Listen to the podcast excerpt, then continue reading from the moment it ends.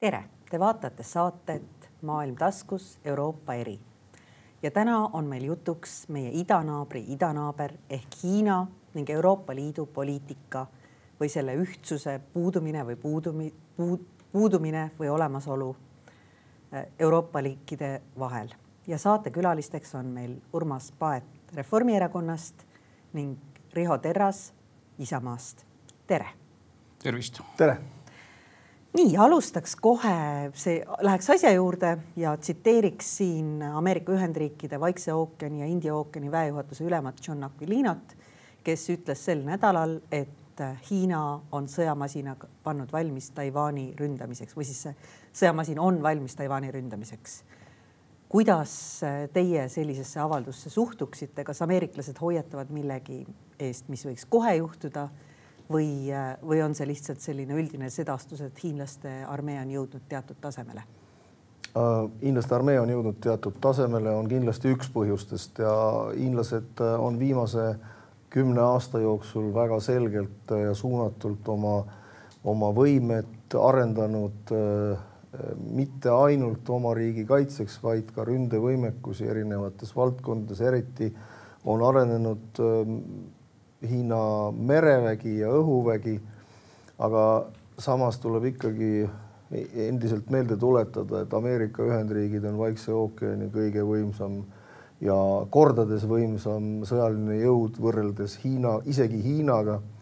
nii et, et eks ameeriklased püüavad oma liitlasi seal vormi ajada, Austraalia, Lõuna-Korea, ka Tai näiteks ja, ja Filipiinid, et et, et kõik see nii-öelda, mis seal toimub praegu Taiwan'i ümber, see kindlasti on, ärritab või noh, pingestab olukorda. reaalset sõda ma praegu hetkel veel ei näe tulemas, aga ma arvan, et see on aja küsimus, kui Hiina äh, võtab ka ette Taiwan'i ründamise. Urmas Paet, mis ajast me rääkida võiksime? Noh, kõige sellised, ma ei tea, tänase seisuga tundub, et pessimistlikud, aga, aga sellele saab hinnangu anda muidugi kahetsusväärselt ainult hiljem, kas nad olid pessimistlikud või mitte, et, et sellised analüütikud sealtsamast piirkonnast äh, muidugi arvavad, et Hiinal on tõsi taga sellega, et see teema lõpetada, et jõuga äh, Taiwan enda külge liita, kui Taiwan seda vabatahtlikult ei tee.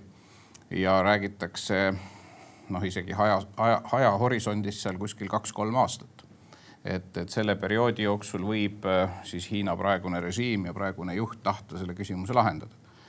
et äh, noh, eks sellel on nii-öelda teatud agasid, äh, eks praegu näiteks, mida Hiina teeb, mida tegi omal ajal ka Venemaa, enne kui ta läks Ukraina vastu sõtta, on see, et ta üritab kaardistada ja testida muu maailma võimalikku reaktsiooni. et mis see lugu nii-öelda maksma läheb, mis on selle hind et kas noh, läänt kui sellist, sealhulgas Ameerika Ühendriike tuleb võtta tõsiselt ja kui tõsiselt. teisalt noh, vaadates Hiina praeguse režiimi käitumist, et siis isegi see, kui sellel aktsioonil on mingi hind, noh siis see ei pruugi teda pidurdada, sest viimastel aastatel nii-öelda muude selliste kontrolli alt väljas olevate territooriumide taasliitmine, Hongkong näiteks Eh, ka ta, Hiina tegi seda lepingut rikkudes, küll mitte jah, otseselt nii-öelda armee jõuga, eh, aga ikkagi sõlmitud lepinguid rikkudes ja sisuliselt ka lääne arvamusele vilistades, et noh, see on muidugi seda julgust seal suurendanud ja, ja teatav selline loogiline jada tekib. -hmm. nii et eh, noh, ilmselge, et, et kui Hiina peaks midagi sellist tegema, siis sellel rünnakul oleksid ikkagi globaalsed tagajärjed ja noh, eks muidugi siin nähtavas tulevikus sõltub ka palju sellest, kas eh, noh, pidades silmas seda juttu, pidades silmas ka neid analüüse, kas näiteks Taiwan'i enda eh, poliitiliste juhtide käitumine võib kuidagi eh, selles kontekstis muutuda? Aga ma arvan, et see ajaraam on ka sellepärast ja see on noh, väga õige viide, see kaks-kolm aastat, sest ikkagi majandusanalüütikud arvavad ka seda, et Hiinal võib tekkida olukord, kus ta enam ei ole võimeline neid asju tegema, ehk et et äh, kusagil äh, kahe tuhande kolmekümnendast aastast on see demograafia Hiina riigi viinud sellisesse, demograafiline olukord viinud Hiina riigi sellisesse kriisiseisu, et nad, nende majandus hakkab alla käima ehk et nad nagu tunnetavad praegu, esimees Xi tunnetab praegu, et on võib-olla võimaluste aken nende jaoks midagi teha. aga loomulikult teine ja minu arust üks oluline küsimus on praegu, kui me vaatame sedasama äh, mikrokiipide tootmise küsimust mis, mis üheksakümmend protsenti Taiwanist tuleb, et see kui seal peaks mingi sõjaline operatsioon toimuma, siis kaot-, kaot-, kaotaks kogu maailm, sealhulgas Hiina ise väga suure osa omale häda, eluliselt vajalikust äh, nii-öelda materjalist, mis need kiibid on. nii et eks ta on äh, niisugune kahe otsaga asi ja see muidugi annaks ka ameeriklastele rohkem põhjust äh, kogu, kogu raha eest äh, kaitsta seda, seda Taiwan'i, mida, mida ei ole väga lihtne rünnata, et Ukraina põhjul on ikkagi maaühendus ja maad mööda ründamine Taiwan'i ründamine, isegi kuna, isegi kui ta on väike saar, on ikkagi õhust ja merelt väga keeruline, kui, kui sul merel ei ole nii-öelda piisavalt jõudu ja kui ameeriklased tahavad, siis Hiinal merel piisavalt jõudu ei ole. nii et äh, see jõu mängimine, ma arvan, sellega seotud on ka praegu Austraalia ja teiste piirkonna riikidega koos. Te mainisite, et ameeriklased tahavad, et ka Lõuna-Korea ja Jaapan ennast vormi viiksid Äh, milleks neil neid vaja on, kui põhimõtteliselt Ameerikal on, te just viitasite seal ülekaal?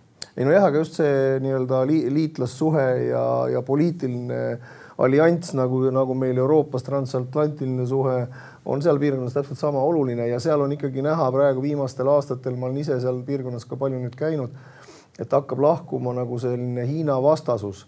Hiina majanduslik jõud on nii suureks saanud, et kui kunagi äh, Tais ei olnud küsimustki, kes, missugune Hiina on, siis täna ikkagi mõeldakse Hiinat ka kui partnerit ja seetõttu peab, peab Ameerika Ühendriigid eh, seda eestvedamist näitama, natuke seda püksirihma trammi tõmbama, et, et mida, et asjad meelest ära ei läheks. Urmas Paet, te mainisite võimalust, et, et võib-olla Hiina ei võtagi sõjaliselt, vaid mingitel muudel viisidel Taiwan'i üle. kui tõenäoline, mis viisil sel juhul? No eks see on äh, pidev selline survestamine ühelt poolt igapäevaselt teha Taiwanis elu võimalikult ebamugavaks, kahandada või üritada kahandada Taiwan'i rahvusvahelist toetust ja noh, tulenevalt ja selle juures siis kogu aeg selle sõjahirmu kütmine. Needsamad õppused, eks ole, sedalaadi õppused, nagu nüüd värskelt tehti, kus ei varjatagi, mis on õppuste eesmärk, eks ole, et harjutada Taiwan'i vallutamist ehk tõsta stressi nii Taiwanis, tõsta stressi sealses piirkonnas, sealse piirkonna riikides ja noh, ülemaailmselt. et, et selle kaudu noh, kindlasti üritada siis äh, mängida ka Taiwan'i avaliku arvamusega ja, ja, ja muidugi ka rahvusvahelisega. ja noh, mis piirkonna riike veel puudutab, siis noh, näiteks Jaapan on ju siin värskelt teinud oma siis hilisajaloo osas täiesti pretsedenditu otsuse hüppeliselt kasvatada kaitsekulusid, tulla välja sellest positsioonist, kus oldi pärast teist maailmasõda ehk hoiti sõjaliselt väga madalat profiili, sealhulgas sõjalis rahvusvaheliselt, et noh, nüüd on Jaapan otsustanud, et vaadates äh, mõlema suure Aasia riigi arenguid ehk Venemaa äh, agressiooni oma naabri vastu äh, Euroopa poole peal, aga siis muidugi ka Hiina sõjalise võimekuse ja agressiivsuse kasvu, siis sealsed piirkonna riigid, noh isegi näiteks seesama Jaapan ka ilma otseselt ameeriklaste utsitamiseta, noh, on ise jõudnud samadele järeldustele, et nad peavad olema palju paremini valmis selles uues olukorras, kui nad on saanud endale lubada viimastel aastakümnetel. ja, ja noh, ühelt poolt on jah, et Hiinat nähakse majandusliku mõju ja kõikvõimaliku muu mõju näol äh, partnerina järjest rohkem. aga samas äh, teiselt poolt on tunnetatav ka selline häirituse kasv just noh, sellesama põhjal, et nähakse, et Hiina on muutunud järjest ülbemaks ja agressiivsemaks nii et ma käisin ka siin Euroopa Parlamendi inimõiguste komisjoniga paar nädalat tagasi Vietnamis mm, visiidil, noh, võiks ju eeldada, et seal on tohutu, eks ole, vendlus ja sõprus, kuna Vietnami juhib ka kommunistlik partei ja ainupartei võim nagu Hiinaski. aga on mitmeid asju, kus noh, Vietnam ikkagi tunneb ennast selgelt häirituna. noh, üks on siin, Riho nimetas seda demograafilist probleemi Hiinas, et seoses ühe lapse poliitikaga noh, ühiskond vananeb praegu päris kiiresti aga noh, selles osas on nad ka oma meelest nüüd leidnud uusi lahendusi, näiteks impordivad, noh, see kõlab väga halvasti ja küüniliselt, aga nii see on, näiteks Vietnami naisi selleks, et seda tühikut siis üritada täita. Ja noh, see muidugi Vietnami nii-öelda ühiskonnale või juhtidele väga ei meeldi, aga noh, samasuguseid väga enesekeskseid asju, mis puudutavad väga paljusid nendes naaberriikide ühiskondades seal Aasias, noh muidugi Hiina puhul on veelgi, nii et ega see üldine õhkkond on väga närviline et seda võib juba täheldada tükk aega, et siin ka möödunud suvel, kui oli see iga-aastane järjekordne suur Aasia julgeolekukonverents Shangri-La Singapuris, siis põhirõhk oli küll, eks ole, Venemaa käitumisel Ukraina suhtes, aga ikkagi kogu aeg seesama ka Hiina kasvav agressiivsus, Hiina kasvav võim ja sellest tulenev ebastabiilsus oli seal kõigil ikkagi meeles. aga no ma usun, et ikkagi ka väga selgelt see, et esimees Xi on ennast võimule kindlustanud äh, hoopis teistmoodi kui siis, kui ta alguses ametisse tuli või tema eelkäijad, kelle põhiline rõhk oli majandusliku jõu tekitamine, majandusliku jõuala tekitamine toimub edasi. Äh, kui mina kahe tuhande kuuendal aastal seal olin, siis noh, kõik sellest õhkus seda, et teeme koos, võtame rahulikult meie, et me võidame niikuinii, kui me lihtsalt ostame teid ära, nii-öelda oli see selline mõtlemisviis seal hiinlastel, nad seda muidugi ei rääkinud, aga see. ma just tahtsin küsida, et eh, NATO riigi kaitseväelane Hiinas, et see võis olla päris eksootiline. see oli eksootiline jah, seal me kümnekesi olime, ülejäänud olid äh, Aafrika riikidest ja Aasiast ja, ja Kesk-Aasiast ja nii edasi. Ta oligi eksootiline, mis seal salata. aga noh, me seda propagandat me saime päevad läbi, aga, aga mingit asja sa sealt ikkagi tunnetasid ja siis sellel hetkel seda, seda agressiivset Hiinat ei olnud.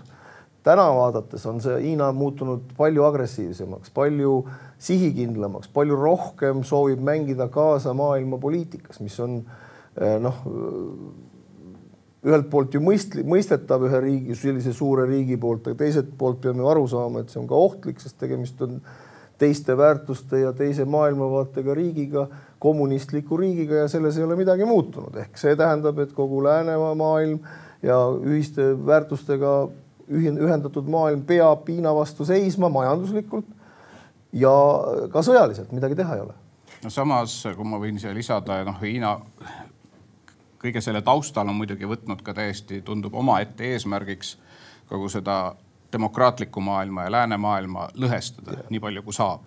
et noh, siin viimasest ajast on palju reljeefseid näiteid, kus kahjuks ka seesama lääs või, või sealhulgas Euroopa, Euroopa riigid on teinud selle Hiinale lihtsamaks, noh, see viimane kurikuulus Prantsuse presidendi Macroni visiit koos Euroopa Komisjoni presidendi von der Leyeniga kusjuures, eks ole, Macron sai suurejoonelise vastuvõtu ja siis von der Leyenit ehk kui Euroopa Liidu kui terviku ja nii-öelda ühtse Euroopa esindajat alavääristati seal nii palju, kui jaksati. Et noh, selliseid asju me oleme näinud ka varem autoritaarsetes riikides, kus äh, üritatakse koht kätte näidata Euroopa Liidule kui tervikule ja üritades siis mängida äh, nii-öelda liikmesriikide või lääneriikide äh, omavahelistele ambitsioonidele ja konkurentsile ja noh, muidugi sellised väljaütlemised, kuidas Euroopa noh, peab olema ise tugevam, mis on õige, aga noh, see ei saa tulla siin suhete arvelt näiteks Ameerika Ühendriikide või, või teiste liitlastega. Et vaadates seda, kui tugevalt tänases maailmas autoritaarne maailm teeb järjest rohkem koostööd, Hiina, Venemaa, noh, Brasiilia, eks ole, on tulnud sinna jälle väga aktiivselt sisse. muud riigid veel, noh siis tegelikult ei ole ju terve mõistus ütleb muud varianti, kui ka läänemaailm peab tegema sedasama, hoidma mm. kokku. nii et igasugused sellised äh, noh, ma isegi ütleksin autoritaarsete režiimide provokatsioonid, et noh, nende õnge langemine on ikkagi väga-väga no, kahetsusväärne. Riho Terras, mis see oli, teie ei kuulu ka Macroniga samasse fraktsiooni, seetõttu olete eriti vaba kritiseerima teda. E, mis see oli? E, kas see oli, kui parafraseerida Britney Spearsi ups, ma tegin seda jälle Macroni poolt või mis asi see oli mm -hmm. teie silmis? et äh, ma olen äh, nõus äh, sellega, et Euro Hiina üritab Euroopat lõhestada ja sinu hea äh, grupikaaslane äh, kellega sa ühises, ühiselt äh, vaat-, maailmavaateid jagad, Macron suutis. ma küll ei ole täheldanud, et ma temaga kuidagi seal ühes grupis oleks, et minu arust on see uueneva Euroopa grupp Euroopa Parlamendis just nimelt Macroni poolt loodud no,. aga ma vastan. Riho, ma ütlen, sa ei taha minna sellele libedale teele, et me hakkame arutama Berlusconisid ja kõiki neid. Berlusconi, Berlusconi tõttu jäi, jäi Itaalia erakond, erakonnas üritus ära, nii et, et me, meie ikkagi sellest saadame sõnumi. sellest teeme kunagi teises saata. ja aga, aga, aga mis Macroni puutub, siis tegelikult ega mida me siis arvasime, et kui me, ega see von der Leyeni käitumine ka väga mõistlik ei olnud, kui, kui Macron von der Leyeni kaasa kutsus, siis, siis ta ju ei arvanudki seda, et Hiina otsustab, et hakatakse von der Leyeni riigivisiiti korraldama kõikide pasunate ja trompetitega ja Macron jääb sinna nii-öelda kõrvaltvaatajaks. see oligi ju eh, ka Macroni poolne Euroopale koha kätte näitamine. mina olen see, kes juhib ja teie tulge kaasa, kui tahate ja noh, see on minu arust veel lõhestavam poliitika, Hiinale antud kõik kaardid kätte, mängi läbi, eks ju. Nii et, et tegelikult see Macroni käitumine see ei ole esimene kord, Macron minu arust süstemaatiliselt äh, esiteks käitub valesti ja teiseks annab võimaluse ajakirjanduslikul, ajakirjanikule tema sõnu, nagu ta ise ütleb, et ega ma nii ei öelnudki, aga lihtsalt ajakirjanikud on keeranud selle kõik tagurpidi äh, võimaluse kõiki neid asju hoopis teises valguses näidata. fakt on see, et Macroni visiit Hiina see tulemus on see, et Euroopa on lõhestatum kui ta enne, Hiina sai kõik, mis ta tahtis, Euroopa ei saanud mitte midagi, midagi ei muutunud Ukraina suunal, Hiina käitumises, midagi ei muutunud Venemaa suunal Ukraina käitumises eh, või Hiina käitumises nii et, eh, et tegelikult eh, sellised visiidid on katastroofilised ja lubamatud. meie jaoks kõige oluline Hiina suhtes, eriti Hiina suhtes, on Euroopa Liidu ja Ameerika Ühendriikide ühine tegevus ühiselt eh, oma eesmärke saavutada nii majanduslikult ja seal on neid valdkondi, kus me peame tõsiselt kaaluma, eh, mismoodi me Hiina vastu seisame. Ja poliitiliselt. majanduslikult on täna ikkagi niimoodi, et tehnoloogia arengutes 5G, ühesõnaga 5G-ga vastu hambaid saada, nagu terve maailm, terve läänemaailm sai Hiina käest ei tohiks enam juhtuda üheski teises valdkonnas, aga see eeldab seda, et me teeme tihedat koostööd omavahel ja ei kakle Urmas Paedel, tegelikult tahakski selgitust, et kui palju, kuidas resoneerus see Macroni avaldus ja Hiina reis uueneva Euroopa grupis just teie välissuhetega tegelevate inimeste seas ja kuivõrd tema parteikaaslased äh, Prantsusmaalt, kes Euroopa Parlamendis on, jagasid tema seisukohti? no üldiselt see resoneerus halvasti noh, täpselt selles samas võtmes, et äh, ei ole mõtet tänases olukorras tekitada olukorda, kus võib kellelegi jääda mulje või isegi mingi veel tugevam tunne, et Euroopa taaskord oma siis ühe suurima riigi Prantsusmaa kaudu üritab vastandada või konkureerida Ameerika Ühendriikidega teemal ja olukorras, kus tegelikult tuleks ajada väga ühtset eh, poliitikat suurte autoritaarsete režiimide, sealhulgas Hiina suhtes. ja, ja noh, teiseks ka seesama, millest ma põgusalt rääkisin, see, kuidas see visiit üldse välja kukkus, eks ole, et von der Leyenit ehk siis Euroopa Liidu esindajat seal koheldi noh, ütleme nii eba, ebaväärikalt, noh, ma muidugi ka ütlen, et sellist visiiti sellisena ka Euroopa Komisjoni presidendi poolt poleks pidanud kunagi toimuma. kui ta oleks tahtnud sinna minna, olekski tulnud teha Euroopa Liidu kui sellise delegatsioon, aga mitte lihtsalt satelliidina ühe liikmesriigi äh, visiidi küljes aga noh, see selleks, nii et jah, lühike vastus on see, et ega keegi seda äh, nagu mingisuguse toreda pilguga ei vaadanud et, et saadakse väga hästi aru, kuna värskelt ju meil käib, eks ole, jätkuvalt Venemaa sõda Ukraina vastu, kui oluline on läänemaailma ühtsus, et ka ju Ukraina puhul on selge, et ilma Ameerika Ühendriikideta eh, see pilt oleks palju nukram. Eh, nii et eh, jah, et eks see on järjekordne selline Elisee soolo, nii nagu me oleme seda mõned ajad tagasi näinud ka Venemaa suhtes, ka mingites kolmandates kohtades. nii et noh, selles mõttes see on muidugi praegu ka teiste Euroopa Liidu riikide Äh, asi olla ka palju häälekam Euroopa Liidu sees, et ikkagi see ühtne Hiina poliitika võiks võtta palju selgema kuju. ja noh, selle üks väga oluline komponent on see, et koostööd tuleb teha kõigi demokraatiatega, nii Ühendriikidega, nii Kanadaga kui siis loomulikult ka Aasia demokraatiate ja Austraaliaga. ma arvan, et see ongi üks väga hea punkt, mida sa tõid, et äh, tegelikult Hiina strateegia on see, mida Euroopa Liit peab kiiresti uuendama, see on pärit aastast kaks tuhat kuusteist ja me kõik saame aru, et alates kahe tuhande kuueteistkümnendast aastast on nii palju äh, vett äh, Lõuna-Hiina merre voolanud, et, et seal on asjad kõik teistmoodi, kui nad olid siis. Ja, ja praegu ei näe, ei ant-, ei anna komisjon mingit, mingit märkigi sellest, et, et selleteemalist strateegiat välja töötatakse Euroopa Parlamendis on seda paar korda tõstatatud ja ei ole mina kuulnud, et võib-olla sa oled seal kuulnud oma, oma komisjonis, et sellest räägitakse rohkem. aga tegelikult oleks hädasti vaja eh, Euroopa Liidu Hiina strateegiat, mis defini-, defineeriks ära, kuidas me Hiinat näeme. noh, minu arusaamist mööda koostöö, kus võimalik, eh, aga vastasseis, kus vajalik, on see, mida me peaksime saavut-, püüdma, püüdma saavutada. ehkki minu enda maailmavaates on see aastaid olnud nii, nagu Lennart Meri kunagi ütles et kahte suurt vaenlast niisugune väike riik nagu Eesti endale lubada ei saa, et, et taome jalaga ühte, aga mitte mõlemat. aga viimastel aastatel on seda üha raskem teha. no antud juhul jah, me ei räägi õnneks, ma ütleksin niivõrd praegu Eestist, kuivõrd Euroopast tervikuna mm, -hmm. kus on oluline, et see positsioon oleks koos ja noh, jah, et kui üldse mõelda, mis nagu Hiina suhtes annaks teha, et noh, näiteks ka ikkagi vältida seda, et Hiina lähebki sõjaga Taiwan'i ära võtma, mis siis toob omakorda kaasa täiesti ettearvamatud uued arengud ja tagajärjed, mis kõik on muidugi halvad. noh, kaks asja, kaks suurt asja. üks ongi see, et mis on see lähtekoht ja lähtekoht peabki olema see, et lääs on ühtne. et kui juba siin on mingisugune suurem turbulents sees või vastandumine Ameerika, Euroopa vahel, noh siis juba ei olegi loota, et seal järgmised sammud saavad olla kuidagi Äh, väga helged, nii et see on nagu alus ja teine noh, selles mõttes on oma ju väga tugev tõde, et Euroopa peabki tegema rohkem, et iseennast kaitsta ja olla noh, paremini valmis mingiteks uuteks kriisideks. kui me mäletame, eks ole, siin Covidi algust, noh siis äkki üllatusega avastati, et ohoo, meil pole isegi neid meditsiinilisi maske ja kileülikondi ja, ja siin paljuski riputi ära Hiinast käes. just nimelt, et isegi sellises asjas, et noh, selge, eks ole, tänapäeva rahvusvahelises Äh, tööjaotuses ongi äh, praegu veel valdkondi, kus äh, noh, ollaksegi ka Hiinast jätkuvalt sõltuvuses. aga noh, seda tuleks püüda maksimaalselt minimeerida ehk kõik need asjad, kus on võimalik sellest mõjusfäärist lahkuda no seda tuleks teha ja seda saab Euroopa teha ise. ja see, see peaks olla... olema osa sellest strateegiast. absoluutselt ja, ja üldse Euroopa enda, eks ole, majandus, kaubandus, tööstus, mis iganes poliitikatest peaks ka vaatama, kuidas Euroopa suhestub nii-öelda muu maailma vägevatega, kes ei ole nagu justkui meie väärtusruumis. aga äkki on Ukraina sõda olukorda hoopis lihtsamaks teinud, et kuna Hiina on ikkagi üsna, ta ei ole väga mitmemõtteline tegelikult selles küsimuses, et kelle poolel ta selles sõjas on et äh, võib-olla ongi, et seal ei olegi enam kaks erinevat suurt vaenlast, vaid nad hakkavadki nagu üheks selliseks rindeks kujunema, mis teeb omakorda läänele lihtsamaks asja. ma arvan, et meie just peaksime kasutama siin Hiina taktikat ja püüdma seda kiilu sinna Venemaa ja Hiina vahele lüüa, sest nii kindel see poolevalik ikkagi olnud ei ole, sest Hiina, Hiinale ikkagi sõda Ukrainas ei ole kasulik.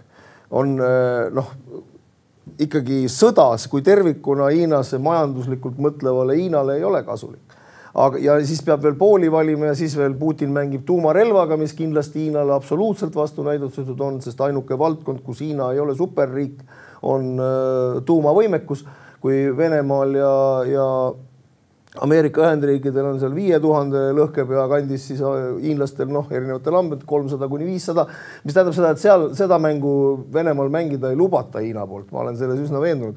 nii et meie asi oleks praegu ikkagi Hiinale see nii-öelda Hiina ikkagi kuidagi majanduslikult püüda enda poole, sest lõppude lõpuks on Euroopa ja Ameerika see turg, kuhu Hiina oma kaupa müüb ja see on peaaegu miljard inimest, kellele, kellele seda kaupa müüakse ja seda turgu on Hiinal hädasti vaja ka oma majanduslike asjade saavutamiseks, nii et ma arvan, et meil jõuõlga on, kui me tahame seda kiilu lüüa Venemaa ja Hiina vahel. aga kas äkki juhul, kui näiteks Hiina ühel päeval tungib Taiwanile kallale no siis on ja... uus olukord täiesti. kui, kui tekib ikkagi otsene sõjaline konflikt ja Hiina agressioon Taiwan'i vastu, noh siis jälle on see moodne öelda, aga saavad väga paljud punased jooned ületatud ja siis tekib ikkagi täiesti uus olukord, vähemalt mõneks ajaks.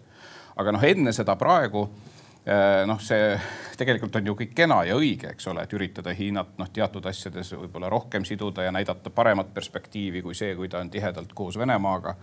aga noh, siin on kogu aeg see suur aga mis äh, ongi see, miks näiteks seesama väärtuskonflikt, eks ole, demokraatiate ja autoritaarsete režiimide vahel noh, ei lase asjadel täiesti õide puhkeda. noh, see ongi see, et võidakse küll ajada vastastikku kasulikku majanduslikku lugu, aga lääne pool, meie Euroopas noh, ei saa ära unustada ka kogu seda negatiivset poolt, kõiki neid inimõiguste rikkumisi, eks ole, kogu seda äh, lugu, mis ju Hiinale loomulikult üldse ei meeldi, et talle seda meelde tuletatakse ja noh, kui vaadata ka seda dünaamikat täna Euroopa ja Hiina vahel, noh näiteks sellel teemal, siis klassika ongi ju see, et riigid kogu aeg ka varem, aga ka praegu, nagu me Macroni visiidist nägime, noh, kahepoolselt Hiinaga. Üritavadki ajada ainult oma seda toredat agendat, et teeme mingeid majanduslikke kokkuleppeid, mis on meile ja teile kasulikud ja las see Euroopa Liit siis ajab seda ebameeldivat, seda inimõiguste asja, eks ole. Et noh, seda on ette heidetud, aga see ei kao kuhugi, et, et ja, aga noh, see jälle omakorda äh, ei lase tekkida ikkagi äh, sellisel väga terviklikul Euroopa Liidu poliitikal, kui iga riik ikkagi jätkuvalt ajab nii-öelda oma lehma ojas taga, eks ole, mhm. üritab neid kahepoolseid diile Hiinaga saada. mis tähendab, et kui tuleks kehtestada sanktsioonid, siis oleks kohe. mina arvan, et see ongi, mina, ma pigem mõtlesingi seda, et, et Hiina peab aru saama, et kui need käitumised, millised, millised on, aga kui näiteks Hiina hakkab saatma Venemaale relvastust ja laskemoona Äh, ja siis tulevad ka sanktsioonid no. Euroopa Liidu ja Ameerika Ühendriikide ühised sanktsioonid Hiina vastu. lihtsalt ma tõmban meie kõigi jalgu korraks vastu maad jälle ja ütlen, et vaata, meil käib üle aasta, eks ole, see värske, uus ja väga räige Venemaa agressioon Ukraina vastu. jah, kümme ringi sanktsioone on kehtestatud tänaseks. aga kuidas see on käinud, eriti praeguses faasis? kui ikkagi nagu väga selgelt, isegi sellisel puhul, kus see toimub Euroopas, kus sul on selge agressorriik kõigi nende sõjakuritegude ja õudustega ja sul on ikka mõni riik, näiteks üks nimega Ungari, eh, kes läheb, teeb uued energialepingud, kes nõrgestab Euroopa Liidu sanktsioonide ettevalmistumist ja lükkab seda edasi nii palju, kui saab aga nüüd kujutage ette, et Hiinaga, kus nagu midagi ei ole justkui noh, nii tõsist kaugeltki juhtunud, noh Euroopa vaates, eks ole, kui on see, siis ma lihtsalt tahan öelda seda, et ma olen Urmas, väga aastat... skeptiline selles osas, et seal on võimalik kahekümne seitsme riigi konsensust leida millekski tõsiseks. kaks, kaheksa aastat tagasi olin mina väga skeptiline, et Euroopa Liit suudab teha üldse mingisuguseid ühiseid sanktsioone Venemaa vastu. jah, aga sa ilmselt ei pidanud silmas ka nii räiget nagu reaalset sõjategevust, eks ole, et sa lähtusid. ei, ei, kaks tuhat neliteist ei uskunud keegi, et, et Kreeka Kreeka ja Küpros ja istuvad laua taga ja hääletavad nende sanktsioonide poolt, mis tulid Venele, Venemaale kaks tuhat neliteist ja siiamaani nagu noh, kümme sanktsioonide paketti. loomulikult eh, ei ole see lihtne aga, aga selle nimel tuleb töötada juba täna ja see Euroopa ühtsus mitte ainult selles küsimuses, mitte ainult inimõiguste küsimuses, vaid ka majandusküsimustes ongi see võtmekoht ja, ja sel, selle, seetõttu Macroni soolod või Scholzi eh, idee müüa pool Hamburgit hiinlastele ära, eks ju, või Hamburgi sadamat.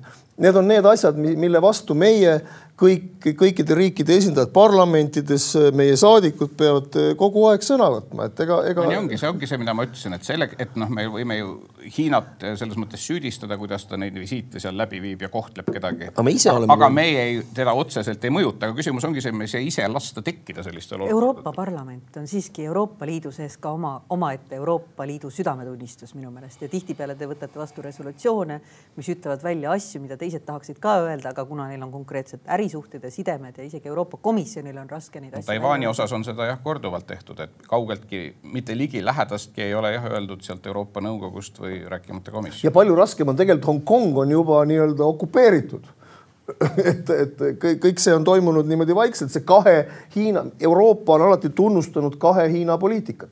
noh, nagu, et üks riik, kaks süsteemi aga täna on Hiina ise selle, selle konkreetse poliitika rik,, poliitikat rikkunud sellega, mis, millega, mida ta teeb praegu näiteks Hongkongis.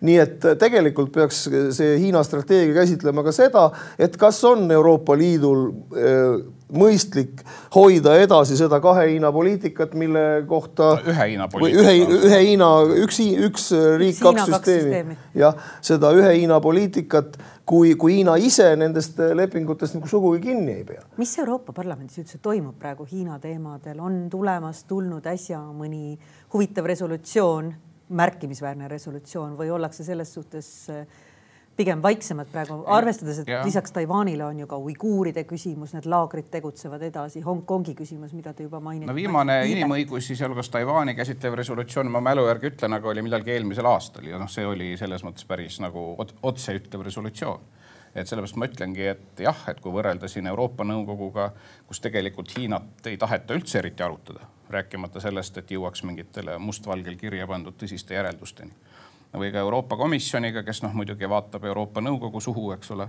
et, et siis jah, Euroopa Parlament on tegelikult suhteliselt, ma ütleksin värskelt eh, need väärtuspõhised positsioonid kirjeldanud. aga noh, see asi, nagu me siin ennem rääkisime, ju areneb kogu aeg edasi nii et eh, ütleme, Euroopa Parlamendi osas mul ei ole suuri kõhklusi, et noh, seal leitakse igal juhul see enamus, eks ole, kes nimetab asju õigete nimedega, kuigi mulle üllatuseks ma olen täheldanud teatud võbelusi sellest pingestunud Taiwan'i olukorras, kus on ikkagi ilmselt osa saadikuid noh, mõtleb ka oma tulevikule ja ei taha sattuda näiteks Hiina musta nimekirja. ma ei tea siis, mis lootused, eks ole, on ja mis ilmselt ka nende tööd juba ja ka hääletamist mõjutavad selles osas, et noh, tahetakse ära kaduda, eks ole, või mitte võtta seisukohti, et, et, et seda on täheldada, aga ma arvan, et see veel ei ole nagu valdav. on Hiina lobistid või mingisuguste Hiina ettevõtete lobistid üritanud ka teiega suhelda? Meilid tulevad meile noh, regulaar, Hiina saatkond on.